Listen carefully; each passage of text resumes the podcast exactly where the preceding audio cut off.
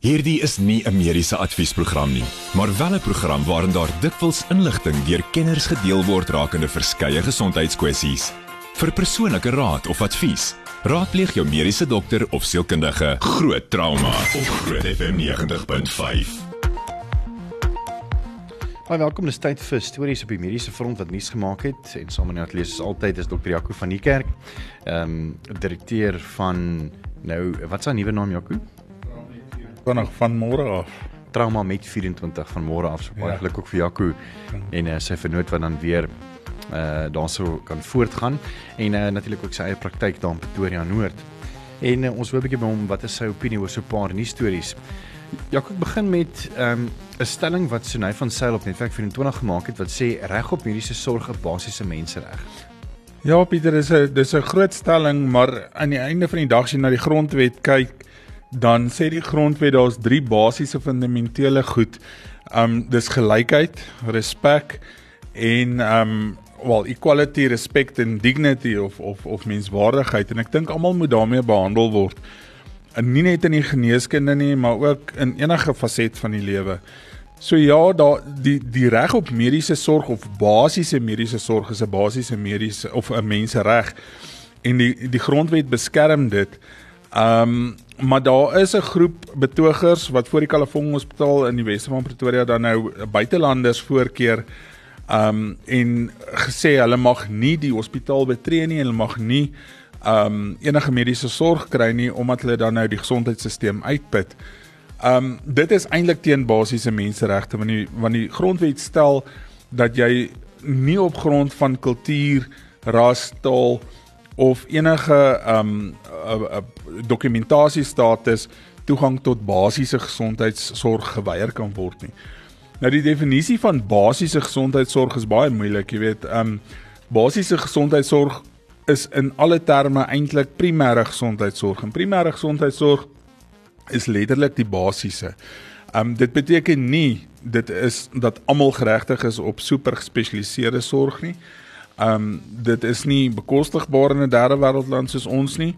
Um maar definitief dink ek um dit is ook nie regtig menswaardig of of menslik om iemand te verhoed om basiese sorg te kry wat lewensgevaarlike toestande dan nou insluit um net op grond van ras, uh, kultuur, taal of dokumentasiestatus nie.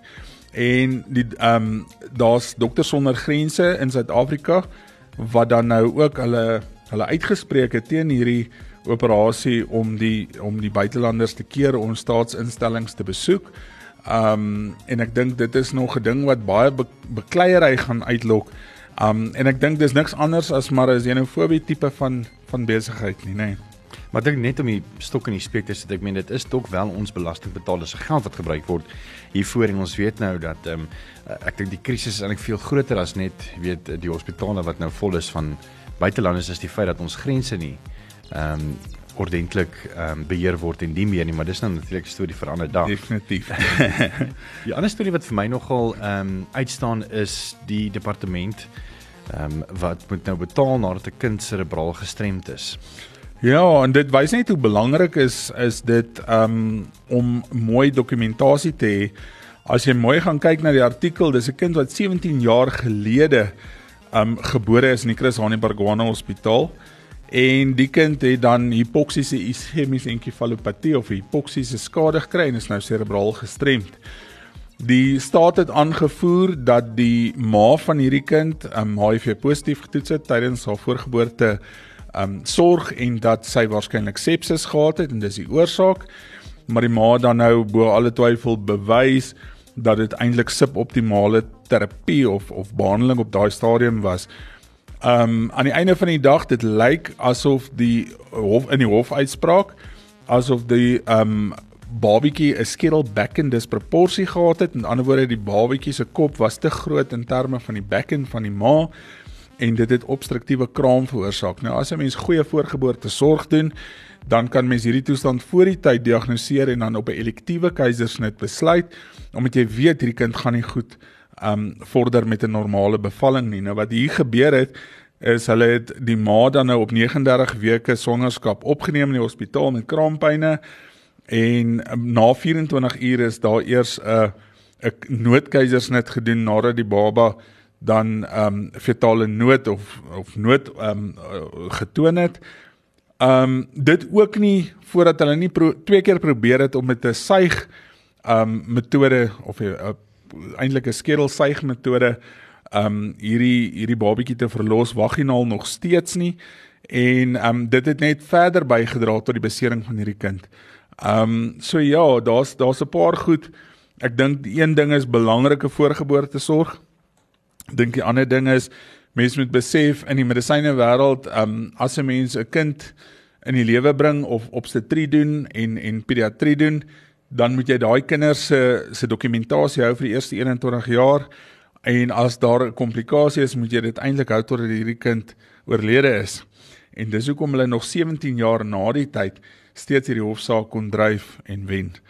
Um dis sleg vir die staat want uit die aard van die saak daar is nie geld nie en nou nog steeds um word daar hofsaake teen massiewe bedrae geskik om hierdie hierdie kinders te te behandel. Bly ons skankel vir finansiële onderwerpe. Ons gesels 'n bietjie oor Botox en ook oor velkanker met dokter Nadia wat bietjie later by ons gaan aansluit. En onthou ook daar's vrae vir Jaco en die einde van die program as jy enige mediese vrae het, kan jy vir ons lank stuur by 061 610 4576 onthou standaard tariewe geld. Groot trauma met Pieter Kloete en dokter Jaco van die Kerk op Groot FM 90.5. Ja, ek het uh, wel, is nou tyd vir so 'n paar nog so een nuus storie wat die nuus gemaak het en ons hoor 'n bietjie wat is dokter Jaco van die kyk so opinie daaroor. Ek het uh, so 3 weke terug begin met so 'n bietjie van 'n van 'n griepie. Uh, die dokter het gedink is COVID, maar toe gaan ek vir 'n toets want sy wou net vir my antibiotika gegee het hierso oorkant uh omdat sy was bang uh, ek het dalk weet as ek COVID het dan gaan mm. antibiotika nie help nie. En uh toe sit negatief en toe sit eintlik maar net uh, vitamiene want dis maar net my ou griepietjie. Maar hierdie griepie het gebly hoor. ja, ek dink baie mense verwar griep ook met allergiese sinusitis en um onthou goed soos asma of mense wat hiperreaktiewe lugweë het, het ook allergie eintlik en en het 'n allergiese ondertoon. Dis eintlik wat die wat die hele begin van die hele die hele meganisme van die probleem is. Nou die meeste mense is baie opgewonde omdat dit nou lente word en um, dit word nou warmer en dit raak vroeër lig en later donker en alles gaan lekker maar daarmee saam kom al die styfmeel en stof en goed ook wat meer is met hierdie seisoensverandering en mense wat dan geneig is tot allergieë of hiperreaktiewe lugweë en en en um, of sensitiewe sinusse um is baie baie omgekrap hierdie tyd van die jaar want hulle neuse is toe en hulle loop en hulle hoofpynne en hulle voel net nie lekker nie. So daar's 'n paar goeters wat 'n mens kan doen sonder om die dokter te sien wat 'n mens um regtig kan help om allergieë te onderdruk of of of net bietjie onder beheer te hou. En die eerste ding is dat um 'n mens as dit die wind waai of jy weet jy weet dit is die tyd van die jaar om meer jou vensters toe te hou deur die dag, um jou beddegoed gereeld te was um met warm water. Um jy kan dan 'n uh, ontstiemiddel gebruik. Ehm um, daar's 'n paar van hulle op die mark wat ons nou nie die name van gaan noem nie. Ehm um, matte en vloere wat jy gereeld moet laat stofsuig en en was sodat jou stofinhoud en styfmeel konsentrasie baie minder is. Ehm um, dit help ook baie van hierdie ehm um, aplikasies op die op die fone wys jou wat se styfmeel indeks. So mense kan ook kyk wanneer is jou styfmeel indeks hoër as ander tye en daai tye buite dan dan probeer vermy sover as wat as wat moontlik is. Ehm um, as dit nie werk nie, dan uit die aard van die saak kan mens jou dokter gaan sien. Daar is maniere hoe ons allergie benader um met bol van bloedtoetse om te kyk wat spesifiek jy die meeste allergies vir is en om om daai tipe van ding dan um te probeer vermy. Daar is kroniese medikasie wat jy kan gebruik, maar ek dink dit is belangrik om te weet dat 'n mens eers probeer om konservatief um te probeer om om jou allergie onder beheer te kry eerder as om net dadelik na medisyne toe te hardloop. Ek sien nou is uh, op Marula Media waar die artikel geskryf het nogal ietsie oulik wat jy kan uh, besoek. Uh die webblad is Pollen Count en uh, dit wys vir jou natuurlik oor wat is die huidige um risiko vir um verstyfing en die meer. En uh, dis nogal baie oulik uiteengesit. Jaco, lyk like dit vir my. Ja, ehm um, baie mense dink ehm um, hulle moet in 'n ander area gaan bly net om om weg te kom van die styfmeel en en en allergie risiko's en en alle areas het eintlik maar 'n vorm van van 'n allergie risiko en ek dink dit is belangrik ook as jy reis om te gaan kyk na hierdie hierdie styfmeel tellings um in die areas waar jy heen gaan en wat spesifiek die hoogste is op daai stadium en dit probeer vir vir my. Op hierdie stadium sien ek in Pretoria is is die is die boom um styfmeel baie hoër as wat die gras um styfmeel byvoorbeeld is. Hmm. En um mens mens mens kan dit uit die aard van die saak nou dink want dit is dis die verandering van die seisoen. Maar in ander areas soos Bloemfontein is dit weer heeltemal iets anders. So mens moet gaan kyk as jy gaan reis waar in die in die land ehm um, die die risiko die hoogste is. Ja, so net daai webblad weer is nogal baie interessant. Dis pollencount.co.za as jy bietjie daar wil gaan doen. Bly geskakel vir vanaand se onderwerp. Ons gesels net gevinnig hierna net weer 'n uh, oorsig. Ons het laasweek net begin gesels oor uh, Botox en wat dit is en hoekom mense dit gebruik uh, nie net vir stywe lippe en nie meer nie. So bly gerus ingeskakel daarvoor. Ons gesels ook 'n bietjie oor velkanker en die risiko's daarvolgens. En ons gesels 'n bietjie met dokter Nadia ook oor wat Triomf Kliniek doen vir pasiënte. En dan 'n bietjie later vra vir Jaco as jy enige vrae het uh, om mediese vrae wat ons vir jou kan beantwoord. Ehm um, stuur gerus vir ons 'n WhatsApp by 061 610 4576 onthou standaard tariewe geld. Groot trauma met Pieter Kloete en dokter Jaco van die Kerk op Groot FM 90.5. Ons het laasweek net so vinnig ehm um, begin gesels oor Botox en die meer en ek dink daar was meer vrae as antwoorde. So ons gaan vinnig net gevoort en dan gaan ons net hierna gesels met dokter Naido oor velkanker en uh, velkanker bewusmaking. Maar ja, kom ons het gepraat oor weet mense wat ehm um, letterlik elke dag werk toe gaan en nie nie glimlag of enigiets nie is maar net Botox. Ehm um, en ons baie persepsies van weet ehm um, en mites oor Botox en hoekom mense Botox inspuit. Jy weet dis nie net vir mooi lyk nie en maak dit die spier dood, uh verlam dit die spier of wat is dit met Botox? Ja, Pieter, ek dink daar's groot klomp wanpersepsies oor oor botulinum toksien of Botox. Ehm um, die die groot ding is baie mense het ek nou al gehoor sê dis slanggif en is een of ander die gif en daai gif Basies kom dit neer en dis waar die naam vanaand kom botulinum toksien kom van 'n bakterie af met die naam van Clostridium botulinum en Clostridium botulinum oorspronklik gee vir jou gastrointestinale um infeksie wat dan vir jou gastro gee omdat jou darmkanaal eintlik swaalwe paralise gee en en en en dis eintlik 'n bakterieële infeksie. So wat hulle doen is ons gebruik nie die botulinum toksien volledig uit die bakterie uit nie. Hulle haal nog steeds die botulinum toksien uit hierdie bakterie uit, maar hulle sny dit met ensieme sodat 'n mens net 'n subtipe of net 'n gedeelte van hierdie gesuiwerde toksien kry. So jy kan nie daai neeweffekte kry soos wat Clostridium um infeksie vir jou gee nie. Dis die een ding. Um dis 'n baie baie geprosesseerde ding. Um en soos ek sê, dis net 'n gedeelte van die toksien. Dit is nie so dat dit die spier verlam nie. Dit gaan letterlik op die oppervlak van die spier is daar reseptore wat soos klein antennetjies lyk onder 'n mikroskoop en dit sit letterlik op daai reseptore. En dis hoekom Botox ook of op botulinum toksien ook ten minste 72 uur vat voordat dit begin werk. Um omdat jy spuit dit in die spier, maar dit vat omtrent 3 dae voordat daar genoeg van daai reseptore gebind is om dan te voorkom dat die senuwee-impulse of die senuwee-neuroordragstowwe wat 'n chemiese stof is wat dan op hierdie reseptore gaan sit, um die spier stimuleer om saam te trek. So aan die einde van die dag verlam jy nie regtig die spier nie en jy doen niks aan die senuwee en jy gaan sit tussen die twee. En dis hoekom dit stelselmatig inkom die werking daarvan, maar ook stelselmatig uitwerk. Jy staan nie een oggend op en dit werk glad nie meer nie. Nou botulinum toksien of Botox um word word vir baie goed gebruik. Um kosmeties nommer 1 weet almal van en dis waar waar meeste van sy naam vandaan kom. Maar ek dink um mense vergeet daar's geen spesialiteit dink ek wat nie botulinum toksien gebruik eers in hulle praktyk as as 'n spesialis rigting nie. Die neuroloog gebruik dit vir migraines. Um die die algemene chirurge gebruik dit vir 'n ding wat ons agalasie noem. Agalasie is waar uh, sekere hoeveelheid van mans veral wat hierdie onderste derde van die sluk sulke erge spasmas kry wat wat die mans voel letterlik hulle wil doodgaan en voel baie keer soos hartaanvalle. Die uroloog gebruik dit in spastiese blase. Die neuroloog weer eens vir vir serebraal gestremde kinders wat hierdie spasmas kry. Um die oftalmoloog ehm um, wat dan gebruik vir vir skeelheid of strabisme. Ehm um, so daar's 'n ongelooflike hoeveelheid. Um ek spyt baie keer mense vir vir vir um vir sweet onder die arms. Hierdie mense wat baie baie ernstig sweet.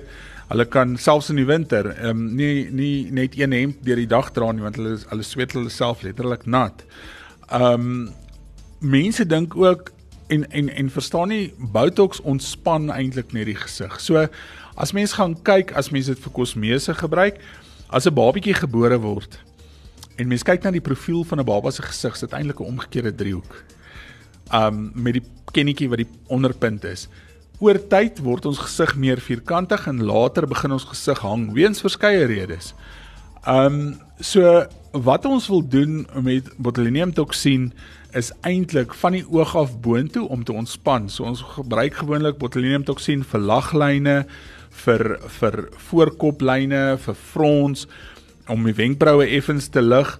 Ehm um, maar onder die oog of onder die ek wil amper sê onder die wangbene gebruik ons baie min botulinum toksien vir kosmese. Daar gebruik ons gewoonlik meer fillers waar mens eintlik die vetvolume wat mense in die gesig verloor wil aanvul. Ehm um, en en baie mense dink as jy die woord filler gebruik dan dink hulle aan dik lippe. Mhm. Ehm mm um, en dis dis eintlik glad nie die idee initieel gewees nie. Ons almal het sulke vet vet kussentjies kan ek amper sê in die gesig, veral hier langs ons neus of die labiale lyne. Ons mondhoeke, as mense ouer mense sien, almal van ons se mondhoeke begin hang. Um en en ons lippe word al hoe dunner omdat ons vetvolume in die lip verloor. So eintlik is die gedagte daar agter om daai vetvolume verlies net terug te sit. En daar is ook baie slegte stories van fillers byvoorbeeld wat mense op TV ook gereeld sien van van fillers kon rang sê ek altyd, ehm um, van knoppe en en en daai klas van ding. Maar ons gebruik nie meer permanente fillers nie. Ons gebruik non-permanente of nie permanente fillers wat basies hyaluronsuur basis het wat dan gekruispunt is met 'n chemiese struktuur om dit stabiliteit te gee vir jaar plus. En wat hy doen is hy trek letterlik vog, hy bevochtig eintlik die vel en hy trek vog in daai area in en wat vir jou hierdie hierdie um persepsie gee dan van van um volume. Boonbehalwe dat dit wel volume gee, die die hyaluronsuur. Hyaluronsuur is 'n normale komponent van vel. Ons maak heeltyd, ons breek heeltyd af. Hoe ouer ons word, hoe stadiger maak ons maar ons breek in dieselfde tempo af. En aan die einde van die dag is dit een van die redes hoekom ons vel minder elasties en dunner word oor tyd. Ek sien iemand het ook gesê so en uh, Estie, dankie vir jou ander vraag waarby ons 'n bietjie later gaan bykom, maar sy sê PS, ek is 'n voorstander van Botox behandeling, het by 'n tandarts gewerk waar ons dit gebruik het vir pasiënte wat baie erg kners. Dis ongelooflik belangrik. Daar's so baie mense wat bytblokkies deurbyt wat so hulle tande beskadig deur te kners in die aand en hulle weet dit nie eers nie. Um en maak nie saak wat jy doen en wat se tandheelkundige behandeling jy doen nie, as jy erg kners gaan jy nog steeds skade aan jou tande maak. En Botox werk ongelooflik goed om hierdie kners um spiere te te ontspan en die mense het regtig regtig baie baie groot verligting nie net in die in die tande wat wat beskerm word nie maar ook in hoofpynne want mense kry hoofpynne hierdie TM gewriggies of temporomandibulêre gewriggies hier voor die oor wat vir jou hierdie erge pynne kan gee. Dit ontspan dit ongelooflik. En um het ongelooflike uh, voordelige effek en en 'n 'n positiewe effek op mense se lewenskwaliteit. Ons praat um vanaand oor oor velkanker ook en dis ek dink die groot onderwerp van die res van die aand. Maar baie mense glo dat binnenshuise tan of of verbreining, velverbreining um en dit sluit alles in van 'n sonbed tot hierdie tan cans tot um sonlampe om die vel te verbrein nie so gevaarlik is soos die son nie. En dis heeltemal glad nie waar nie. Um die gebruikers hiervan word dan nou blootgestel aan hoë vlakke van UV-bestraling en hulle risiko is net soveel indien nie hoër as wat 'n gewone sonblootstelling is nie. Groot trauma met Pieter Kloete en dokter Jaco van die Kerk op Groot FM 90.5. Welkom terug by Groot Trauma. Onthou aan die einde van die program doen ons 'n bietjie vrae vir Jaco as jy enige mediese vrae het. Dankie Estie vir joune. Ehm um, as ook Boffa, dankie. Ons gaan 'n bietjie later daarby uitkom. Baie goeie vrae uh so terloops. Maar dit is vir my lekker om vir Dr. Ugeshni Naidu um, aan julle bekend te stel. Sy was ook laasweek op die groot ontbyt gewees saam met Jennifer en Pierre Breitenberg waar 'n bietjie gesels het oor ehm um, oor velkanker en velkanker bewusmaking. And I don't think we we can talk um too little um ab about skin cancer because we live in South Africa, right? Yes, so we, every South African, on average, every week gets nine hours of incidental sun. And although sun is our main uh, cause of skin cancers from everyday overexposure, it's also in our genes and our skin type. So if you're a fair skinned patient who burns easily, and those blistering burns are what increases your risk of skin cancer. Like for instance me that when I go to you know the beach and I tan and I get red like a like a lobster that is the most dangerous burn right Yes, that is a bad burn that increases your risk of melanoma. The everyday sun increases our risk of non-melanoma skin cancer, basal, basal cell cancer, squamous cell cancers. Okay Ja, ek dink ehm um, daar's ek dink van van my kant af, ek dink daar's daar's drie groot tipes velkanker. Ehm um, obviously die plaveisselselkankers en die en die basalselkankers en dis dis wat ehm um, Dr. Naidoo nou gesê het van die van die elke dag se blootstelling. Maar die ding wat mense die bangste voor is is altyd die melanome. Ehm um, want dis die ding wat mense doodmaak en dis die ding wat wat versprei na die vitale organe soos die brein en die longe ensovoorts. En ek dink ons het so 'n paar jaar terug, 2, 3 jaar terug, het ons ook met 'n meisie gepraat wat wat melanoom gehad het net op haar skouer en dit het haar nie eers geplan nie. Dit het haar ma gepla die die die letsel op haar op haar skouer. En sy is intussen oorlede. So ek dink mense moet baie mooi gaan kyk en jy moet jouself baie mooi oppas ten opsigte van van velkanker en blootstelling. how regularly does one have to go for a checkup on your skin because some of the stuff you know it, it looks like something but it's like so I mean your, your skin is smooth it doesn't feel like a a knob or anything like that I mean As Dr. Yaku says, it's very important that you're aware of what's happening on your skin. It's not going to always bleed or be sore or change, but you must be aware that it will change. It may be looking irregular. When we say irregular, the ABC rule, asymmetrical, the borders are irregular and the colors are changing, and it can be anywhere on the body, under the feet, not only in sun exposed areas. So, and in terms of how often, on average, you should be checking your skin at least once a year.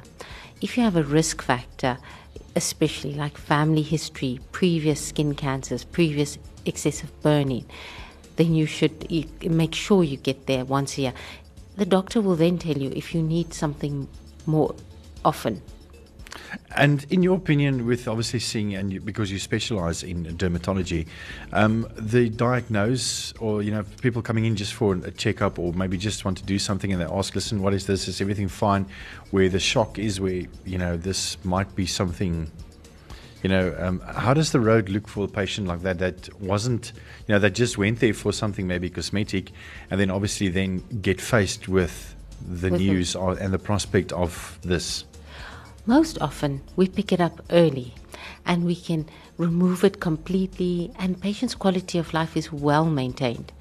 It's when you neglect it and you see something changing and you haven't followed up, gone to the doctor.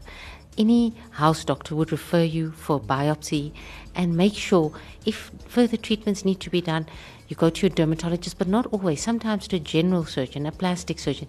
Make sure everything's taken out depending how bad it is that the glands are checked and then we have other treatments you go to the oncologist there's a lot of advances in treatment of skin cancer the thing is to create awareness and treat early then you're going to save yourself all the follow-up problems with it A lot of people, you know, um, you said that you know, obviously, you need to check up once a once a year with a with a professional that that knows dermatology, like a doctor.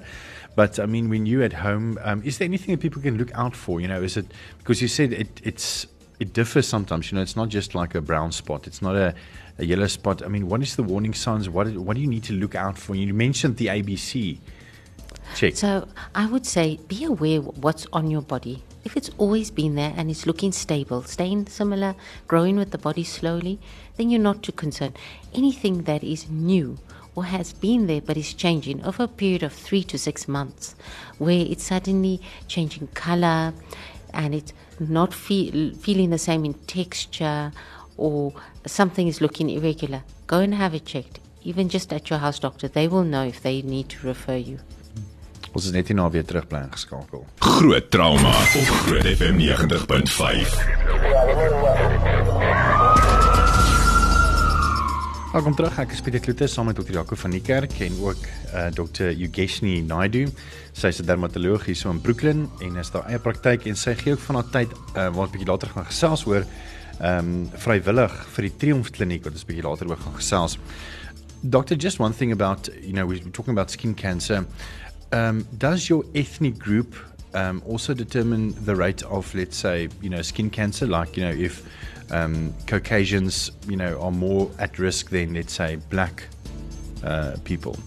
So your skin type, so we type it according to how fair your skin is, whether you're blonde and blue-eyed, is definitely more at risk of all types of skin cancer.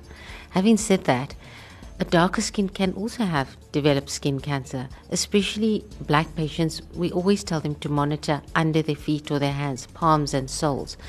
They can get melanomas in those areas, although it's not as often as light skinned. So, and then a skin that's Mediterranean, also prone to skin cancers, but and doesn't burn so well, but still has to take care. So all skin types. And then the the um, uh, the Afrikaans word is mite about you know UV protection. You know, some people just put it onto their their kids when they go to Durban uh, for the holidays, and they go at nine o'clock to the beach, and then they leave at one, and then they've obviously put on you know sunscreen at nine o'clock. Um, I mean, will that last them the whole day? Um, and also, what does it mean when it when it says SP factor of ten or fifteen or twenty or whatever? So your ideal sun protection would have a SPF of 30 to 50. So that's your UV, UVB cover. Your UVA is cover protecting you from skin cancer and it will have stars. So you ideally want to have a four star rating on that. So it will say broad spectrum, then you know it has UVA and UVB. A good sunblock will also have an antioxidant or protection against blue light, which is visible light. And that protects us from getting sun freckles and pigmentation. And then the last thing is a DNA protector. So it protects your genes from actually changing and becoming melanoma. So, and they sometimes have an enzyme that repairs the DNA. So good sunblocks have those four factors in it. And then in terms of applying sunblock, you need to apply the size of a shot glass to your entire body. And the ideal is every two hours. So it's not so, so practical, but that would be if you wanted perfect protection from the sun. Yeah, that actually, that's actually the first time I hear that, and, and it makes sense, you know, because you know, you see these volleys going to Durban, you know, and then uh, the kids look like you know little white snowmen when they go because the mom has just sprayed two bottles uh, of of sunscreen, and you just say, you know, like a shot glass, twenty five ml would be enough, and then regularly, right, uh, every Yes. two two to three hours, or? Every two hours to three hours. And then remember, when you swim, you're going to get so often we want to buy water resistant or very water resistant. And if you wipe it off with a towel, even if it's water resistant, it's not going to last. So looking for a, a four star or higher, also for a multi um, UV uh, protection, and also 30 and up. 30 to 50. So most of our sunblocks in the scam and these sorts of places, they will have that, any pharmacy. So it doesn't have to be an expensive sunblock. And let's talk about your involvement with Triumph Clinic. You know, um, our listeners m- most probably know about Triumph because we talk about them a lot. You know, it's um, a, a project from Atterbury where you know they they provide healthcare for people that can't afford it. Uh, obviously, healthcare in in very different disciplines, and you obviously with the discipline of of uh, dermatology. Um, why did you decide to help uh, Triumph? So we we're 15 doctors. Of of those, there are few dermatologists. We're about four or five, and uh, it's for patients who can't afford private healthcare. And unfortunately, our state facilities are not providing this care. So to check for skin cancer, cut it out, and provide the best we can within the facility.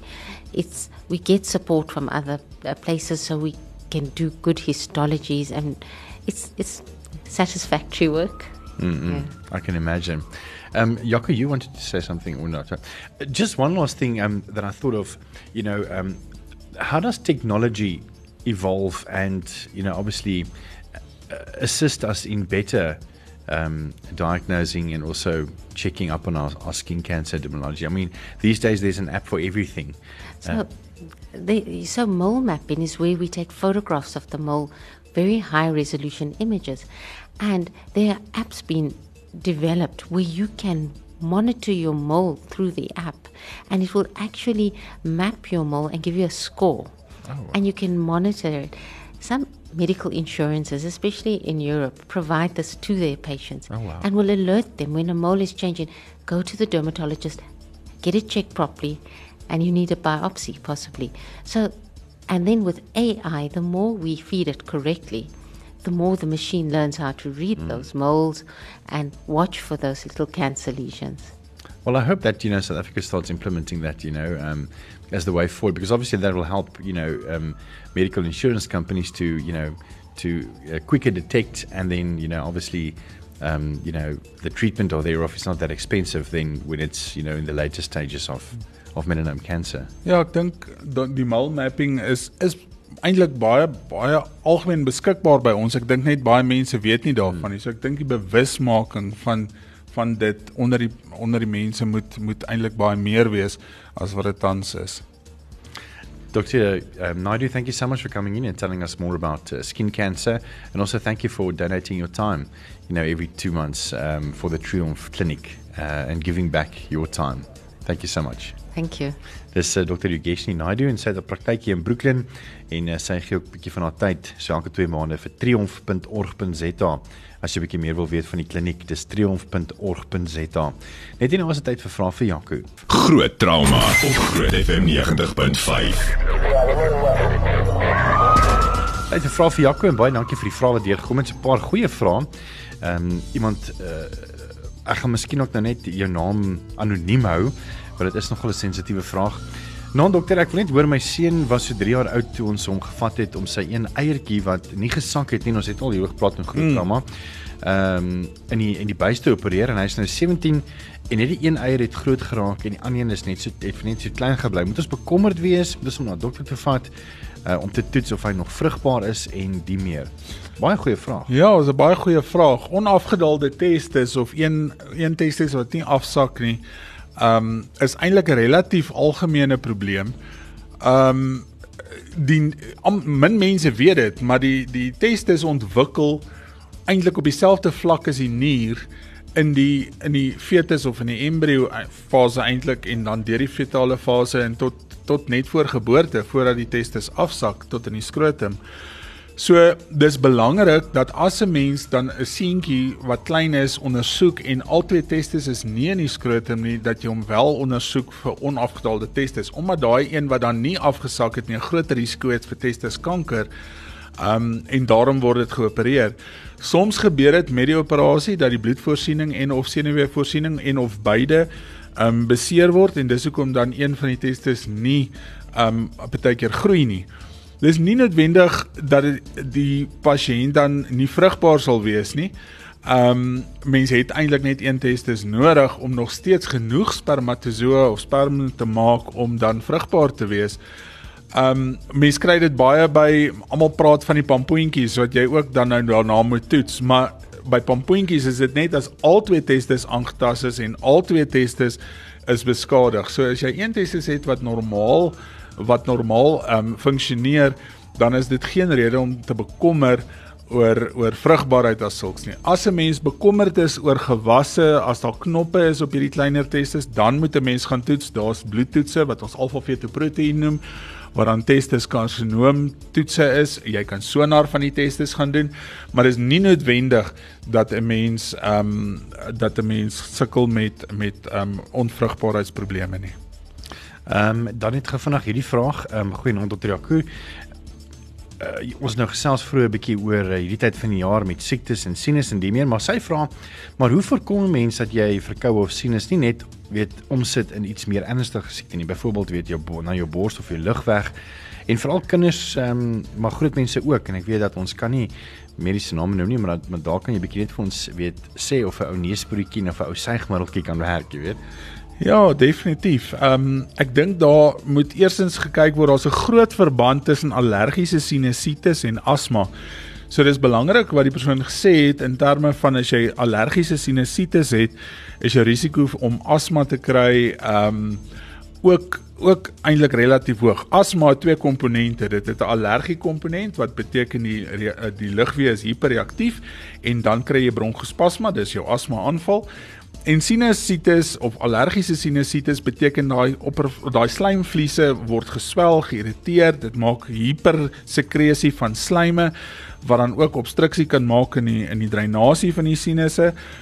En mense sit heeltyd met hierdie postnasale drip en mense wat kroniese sinusitis het, se neuse is altyd toe, dit loop, dit loop in die keel af. Maar dit baie keer naar kroniese irritasie, hoes. So ja, daar is daar is medikasie wat mense kan gebruik. Daar's kroniese neussproeë um, wat 1 tot 2 keer 'n dag gebruik word wat dan um ook algemeen gebruik word um op 'n kroniese basis, nie net met seisoenverandering nie. En dan gebruik ons baie keer ook jou jou later generasie antihistamiene. Ehm um, nou die die oomblik wat mense die woord histamien gebruik, dan dink mense dit gaan sedasie gee of moegheid en lomerigheid en en en mense laat sleg voel, maar daar's daar's vierde generasie antihistamiene. So ons die ou antihistamiene, jou eerste generasies, dis hulle wat al hierdie lomerigheid en neeweffekte het. Jou vierde generasie antihistamiene het 'n langer werking. Baie van hulle werk 24 tot 27 uur nadat jy jou jou laaste dosis ingeneem het en het geen sedasie effek nie. So dit maak eintlik net stabilisasie van hierdie van hierdie slijmvliese wat maak dat 'n mens minder sinusitis en op ons sal dit drup kry. Dit is amper soos 'n kraan wat drup, nê. Nee. As 'n kraan drup, gaan jy later 'n gat onder kry van die erosie van die grond. Net so gebruik gebeur dit met die laer lugvee ook. So mens moet dit behandel. Dan was daar nog 'n vraag gewees wat anoniem wil bly, maar ons het ongelukkig nie tyd daarvoor nie, so ons gaan daai vraag oor die lewer uh oorstaan vir volgende week en ek e-mail dit sommer gou vanaf vir my. So dankie daarvoor. Bly gerus volgende week ingeskakel dan antwoord ons vir jou oor wat is die beste medikasie vir lewer. Uh dankie vir die saamluister en Jaco, dankie ook vir jou. Dankie Pieter. Met die volgende program bo Groot FM 90.5 om jou as luisteraar met die nodige inligting oor 'n spesifieke onderwerp te voorsien. Alhoewel hierdie inligting dikwels deur 'n kenner op die gebied gedeel word, word jy aangemoedig om jou mediese dokter of sielkundige te besoek vir persoonlike advies of raad.